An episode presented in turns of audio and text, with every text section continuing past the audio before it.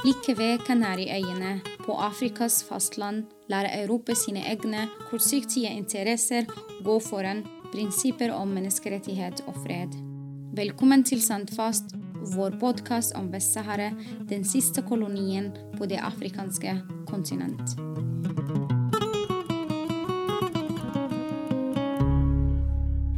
I 2020 gjorde USAs daværende president Donald Trump noe helt spesielt. Som første land i verden anerkjente et land Marokkos krav på Vest-Sahara. For å høre mer om USAs rolle i Vest-Sahara-konflikten har jeg i dag med meg Jacob Mundy, som er første manusist i fred- og konfliktstudier og i Midtøsten-studiet ved Colgate University i New York. Han er medforfatter av en viktig bok om konflikten som nylig kom i et nytt opplag med et nytt og oppdatert kapittel som nettopp tar for seg den siste tidens utvikling med Trump. Jacob, uh, welcome, Jacob Mandy, welcome to our podcast. It is uh, great to hear that your book has been republished uh, in a new edition. I have just uh, ordered it online and I'm looking forward to receive it in, in the mail. So thank you so much for uh, making the time to, uh, to join me today. It's great to be with you. It's an honor. About the US, uh, I want to learn something about the larger picture of the Western Sahara conflict and the US. Um, so let's go straight to the controversy. Uh, what on earth happened when Donald Trump recognized the Moroccan claims or to Western Sahara? That's an interesting starting point. Um, there are several levels to the decision by Trump to recognize or extend uh, American recognition of Morocco's contested sovereignty over Western Sahara the larger context that everyone talks about is something called the Abraham Accords, which are a series of agreements arranged primarily with key US allies in the Gulf region, like the United Arab Emirates and Israel, uh, to normalize relations between Israel and Arab states, largely at the expense of the, the question of uh, Palestinian rights, a Palestinian state, things, things of that sort.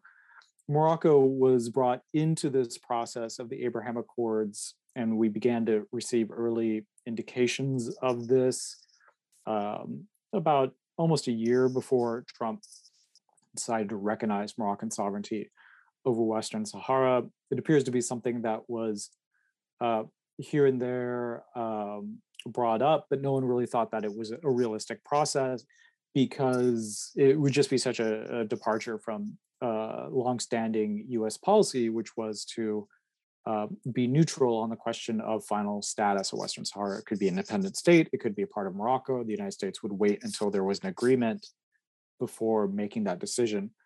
Another aspect I think is really important is the Moroccan regime was very desperate to get the attention of the Trump administration. They had not received the kind of attention that the Moroccan regime had been used to from from U.S. leaders historically.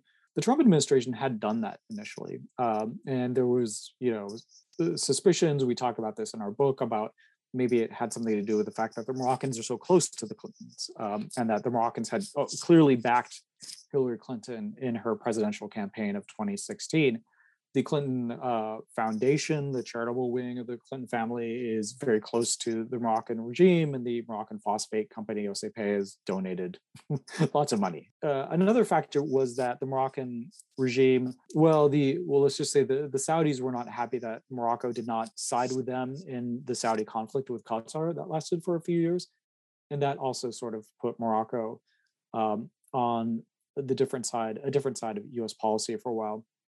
Mm. What I think is important is this for me is the key bit that I think is overlooked is that Morocco committed itself to billions of dollars, 10 over 10 billion in arms purchases from the United States uh, during the critical year of 2019. And I think I think that is what actually really brought uh, Morocco back into the good grace of the, the Trump administration. And then, and then the final thing is it appears that there might have even been a kind of feud between uh, President Trump and Senator James Inhofe, who's a longtime supporter of Western Saharan rights. Um, and that Inhofe had tried to prevent Trump from recognizing Moroccan sovereignty over Western Sahara. There was a explosive confrontation in the White House reportedly, and so Trump immediately decided to send out a tweet, and that's now it's history. What was the response within the U.S. when Trump did this and when he took this step? Well, the Western Sahara issue isn't a very well-known issue in the United States. Uh, Americans uh, generally unaware of the issue, and um, if it it made news, it, w- was very kind of short-lived. But the, the other thing is that the United States is, of course, a strong supporter of Israel. So the framing of Trump's recognition in the context of Morocco choosing to renormalize its relationship with Israel, which had been sort of suspended during the Second Intifada, that that had put a kind of glow on Trump's uh, recognition that made it more positive. And indeed, that's partially the reason why I think the Biden administration has been reluctant to rescind Trump's recognition because it's now tied up in the uh, the question of U.S. support for Israel, the the ongoing Israel-Palestine dispute, and the question of Arab-Israeli uh, mm. relations. Yeah, and that was uh, you actually answered my next question because how has the um, new president Joe Biden relate to this decision? Has been any response at all, or like anything? The Moroccans are unhappy with the Biden administration's response so far because the Biden administration hasn't wholeheartedly endorsed uh, the the proclamation. The Biden administration hasn't rescinded it, uh, which is uh, important, but they've also um, for a long period, they they said it was under review. So um, during that that review period, it was also clear that uh, Morocco was withholding its cooperation with the proposed UN envoy Staffan de Mistura, who recently toured the region. So the United States was using this this pressure on Morocco to say, you know, uh, if we don't see progress in terms of the negotiations with Polisario, you know don't expect us to be enthusiastic about implementing this agreement because i think the moroccans had expected that once the united states committed to recognizing that you know there would be a consulate in Ayoun or Dakhla mm-hmm. or something like that but the US has actually been very you know they haven't rescinded the recognition but they haven't gone you know enthusiastically implemented right and and now within the US Congress there's a prohibition on U.S. defense cooperation that would in some way involve uh, Western Saharan areas. So, uh, and that's conditioned on the peace process and gives the State Department the kind of the ability to say yes or no to certain defense cooperation.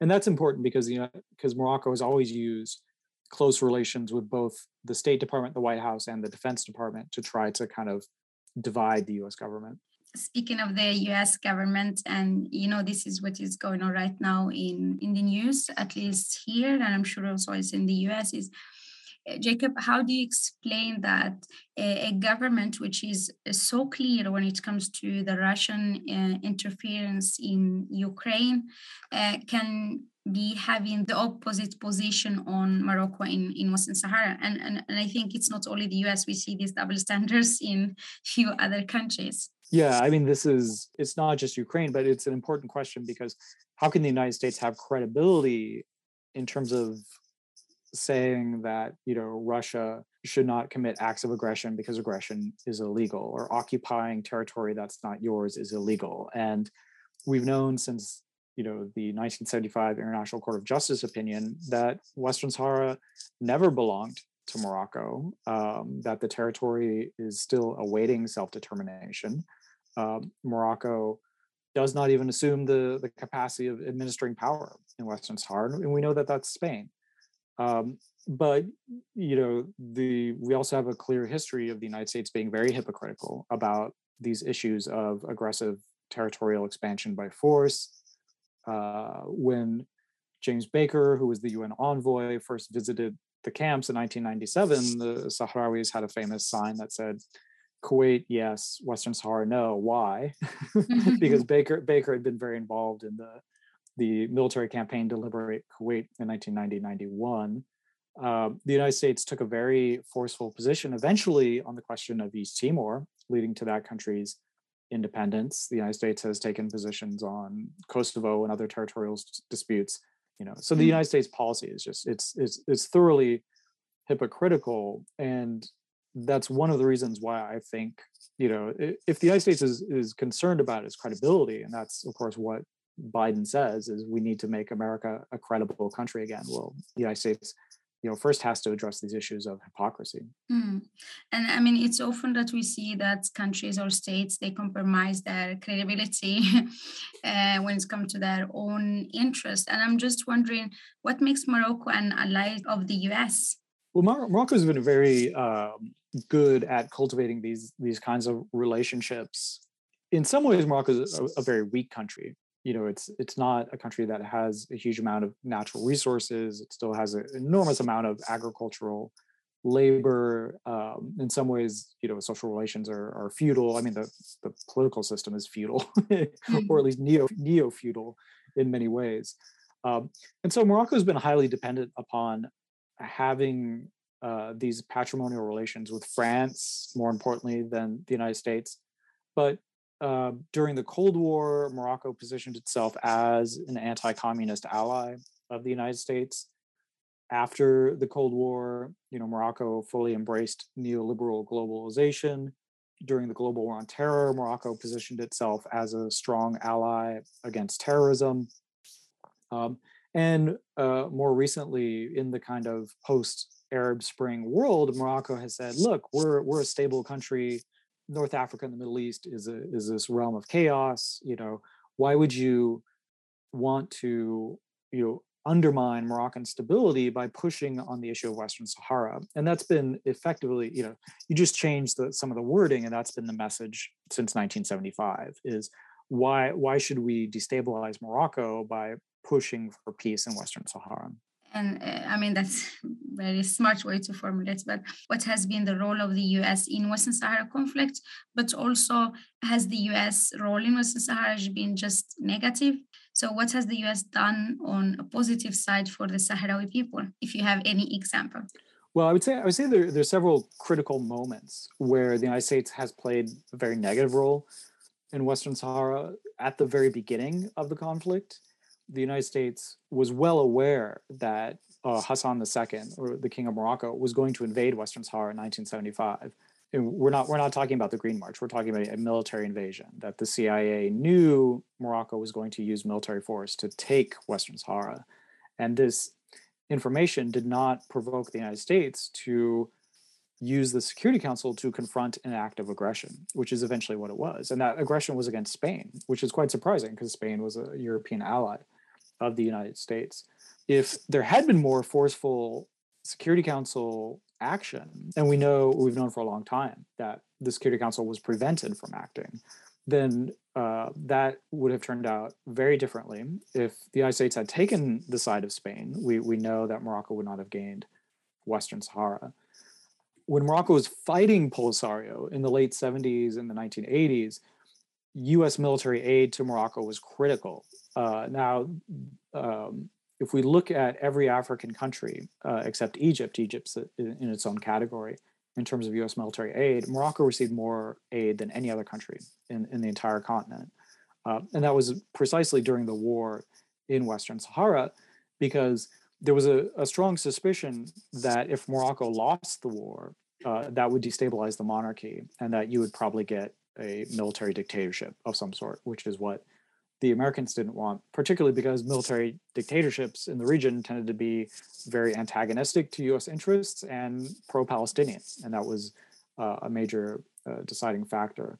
The United States was supportive of the peace process when it began in the late 80s, early 1990s, because they assumed that Morocco wanted a referendum. Morocco said they wanted a referendum, but when it came time to actually hold the referendum around the year 1999, 2000, that's exactly when Hassan II died. And the United States said, uh, we can't force Mohammed VI to accept a referendum, especially because he's going to lose it. I mean, it was very clear that the referendum would probably lead to an independent Western Sahara state. The same had just happened in East Timor. So the United States pushed for a political solution. And that's where the peace process has been for the last 20, 21 years. for a long time, you could say the, the United States at least was playing a positive role because there was a willingness to accept whatever Polisario and Morocco were willing to agree to in terms of a, a, final status. But now that the United States recognizes Moroccan sovereignty over Western Sahara and is the only member of the Security Council to do so, is the only the only you know North Atlantic powerful OECD country that you know maintains this bizarre position. Even the French, who are Morocco's strongest allies, have, have said to Morocco, "Look, we're not we're not going to recognize your sovereignty over Western Sahara." So the United States is in a, in a, really in a really strange position and is is trying to use what little leverage it has to reignite uh, the peace process. But the United States has never confronted the fact that historically and currently its policies have benefited Morocco more than uh, the cause of peace. Does it have any effect on other regions? The continuing existence of the Western Saharan conflict is is very detrimental to many aspects of African politics, Middle Eastern politics, you name it. Uh, it's it's the number one reason that Morocco and Algeria continue to have very uh, poor relations. Uh, we know that uh, the the process of integrating uh, economically, at least socially, economically, into integrating the countries of North Africa has actually gone backwards. We uh, there is less integration going on uh, than there was, you know, 20, 30 years ago, and that's precisely because of the the Western Saharan conflict. So this lack of cooperation has, you know, effects upon a big issue in terms of security right now, which is the Sahara Sahel region which is uh, where we see some of the most uh, horrific armed conflicts in, in the world these days, far more than you see in the Middle East at this point. And ongoing, ongoing Morocco Algerian tensions don't lead to cooperation on that front either. Yeah, but also what I what I meant does it have effects on other countries, like if they would copy the same position of the U.S. I mean, we haven't seen any countries, at least major countries, follow the United States in terms of recognizing Moroccan sovereignty. Uh, we actually had a very interesting exchange at the end of 2020 where Germany said the United States is no longer a credible because the United States is the what we call the pen holder on the UN Security Council and the United States drafts the resolution and Germany said the United States is no longer a credible pen holder when it comes to the issue of Western Sahara. And it would be very interesting for Russia, a country like Russia, to raise, you know, uh, this issue and say, you know, uh, you claim to be opposed to aggression, yet you recognize Moroccan sovereignty over Western Sahara. We haven't seen Russia do that yet, but uh, clearly, th- I mean, this kind of again hypocrisy opens the United States up to these kinds of criticisms and uh, makes a lot of statements that we hear from, you know, Secretary Blinken and the White House very hollow. You said from the beginning that um, unfortunately Western Sahara conflict is not really well known in the US. And when I was doing my master here at the University of Oslo, I um, wrote actually about the Norwegian media coverage of the question of Western Sahara.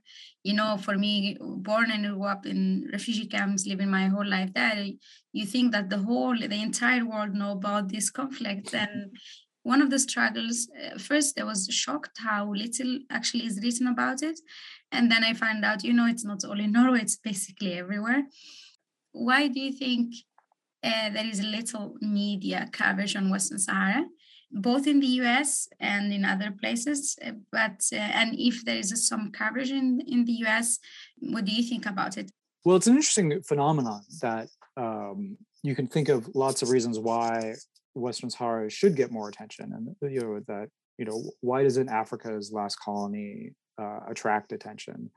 I've spoken to journalists who are often trying to you know cover Western Sahara, and they they run into editors who say, "Well, what's what's new? What's new about this issue?" You know, or another another African conflict. You know, they sort of dismiss it. So th- there's a problem of uh, framing that often happens that uh, journalists can't find a new angle on Western Sahara that that editors think is interesting.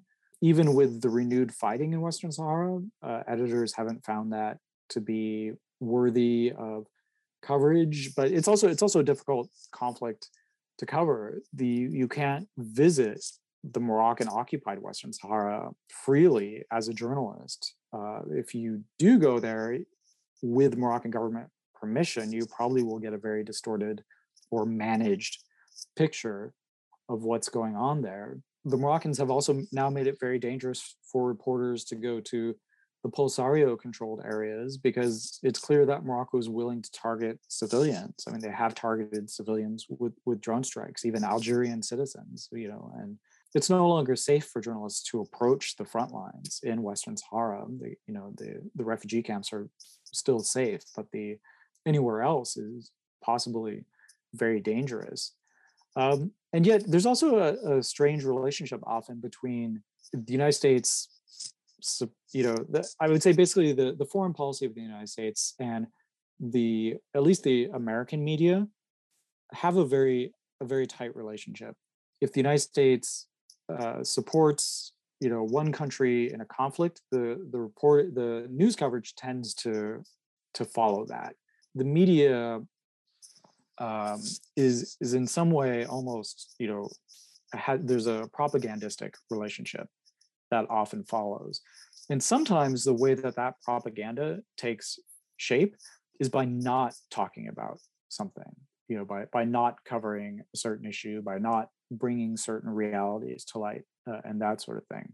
So when there is coverage, it's often again, it's you know very much consistent with what the American government position is in terms of foreign policy. Or if a, a conflict is not covered, I think that lack of coverage often also uh, helps uh, American foreign policy because we don't we don't want people asking questions about well why does the United States support Morocco? You know why are we uh, blocking you know Western Sahara's right to self determination what what is you know why do we have this policy? So the media for some reason follows the the, the foreign policy of the United States. You just republish your book and i think um, time for advertisement if people are listening and they want to order the book, uh, what you can tell them where they can find it? Yeah, well, we uh, we originally published the book in 2010. We decided to add an entirely new chapter, which was the last 10 years of what's mainly happened in Western Sahara, particularly with the, the peace process, leading up to the resumption of basically armed conflicts uh, by Polisario, followed by you know with Morocco's breach of the the ceasefire and the the armistice line. Uh, before that, and and Trump's recognition. So we were able to kind of update the the book with with that new chapter, and then the the rest of the book was sort of was was tweaked to to be consistent with that. Uh, but so what, what you have now is the I think the most comprehensive book on the Western Sahara conflict. And what is the title of the book? well, the title is is still Western Sahara War, Nationalism, and Conflict Irresolution.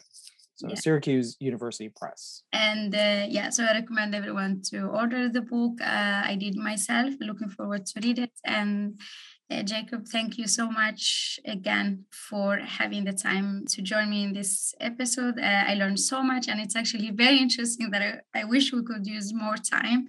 But I guess with podcast, people can only handle 21 minutes of such topic. Thank you so much. It was great being with you. Hvis du vil lære mer om konflikten, gå til vest-sahare.no.